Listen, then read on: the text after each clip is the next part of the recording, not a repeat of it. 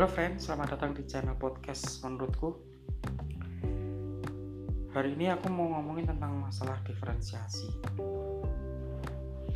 Kenapa aku mau ngomongin tentang diferensiasi? Karena uh, Sekarang udah banyak sekali produk-produk yang tersebar di uh, jagat raya ini yang sama gitu. Contoh nasi goreng ada berapa puluh ratus ribu berapa juta produk yang namanya nasi goreng ya. hotel. Ada berapa banyak hotel yang ada di seluruh dunia ini yang ada di, di Indonesia ini. Kemudian ada layanan chatting ya. ada berapa banyak platform chatting yang ada di dunia ini? Macam-macam ada beberapa fitur yang mungkin sama tapi ada beberapa fitur yang mungkin berbeda. Itu yang disebut dengan diferensiasi. Sehingga si calon pelanggan atau customer itu bisa memutuskan mana yang cocok untuk uh, kebutuhanku. Mana yang cocok dan mana yang worth it ketika aku mengeluarkan sebuah biaya. Nah beberapa waktu yang lalu aku menerima sebuah permintaan untuk membuat sebuah website di mana saya pikir klien ini ada masalah dengan uh, konten ini. Ketika aku tanya tentang sebuah uh, deskripsi, uh, coba cari di sebelah mas, di kopas aja nanti coba saya lihat. Nah, itu yang pertama, itu deskripsi tentang uh, sebuah perusahaan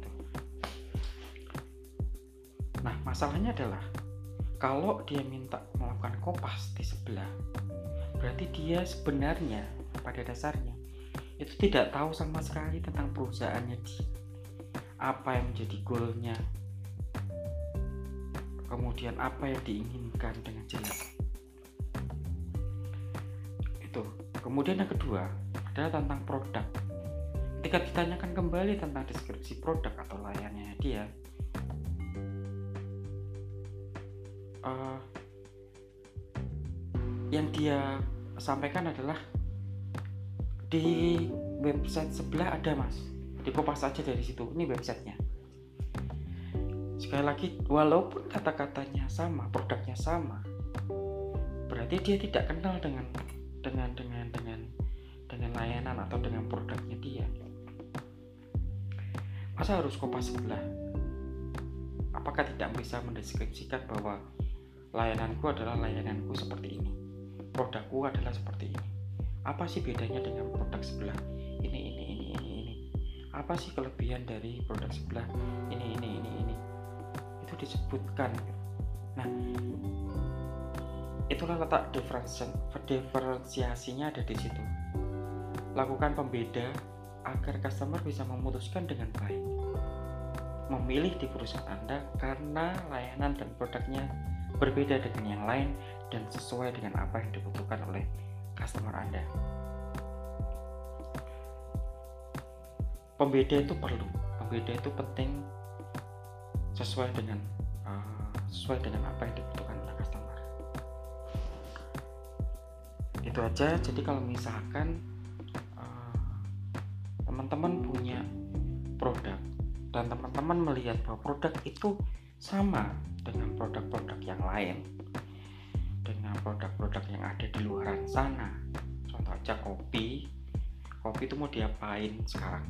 Kopi itu udah dia banyak macamnya. Ya di Jogja itu ada kopi uh, jos uh, terus apalagi kopi wale. Terus kopi dikasih campuran uh, apa gula aren dan sebagainya. Kopi itu udah dibikin macam-macam. Nah kalau teman-teman pengen membuat produk kopi bikin membeda sama-sama pakai gula aren misalnya tapi mau dikasih apa? Tambahan apa? Oh gula arennya asli. Oh dikasih tambahan uh, pandan biar wangi. Oh uh, kopinya bukan yang uh, apa namanya? Kopinya misalkan bukan Liberian tapi uh, Arabica misalkan lebih mahal mungkin tapi ada pembeda di sana lakukan pembedaan agar customer tahu bahwa dia worth it untuk mengeluarkan sejumlah uang karena produk Anda beda dari yang lain. Itu aja. Ciao.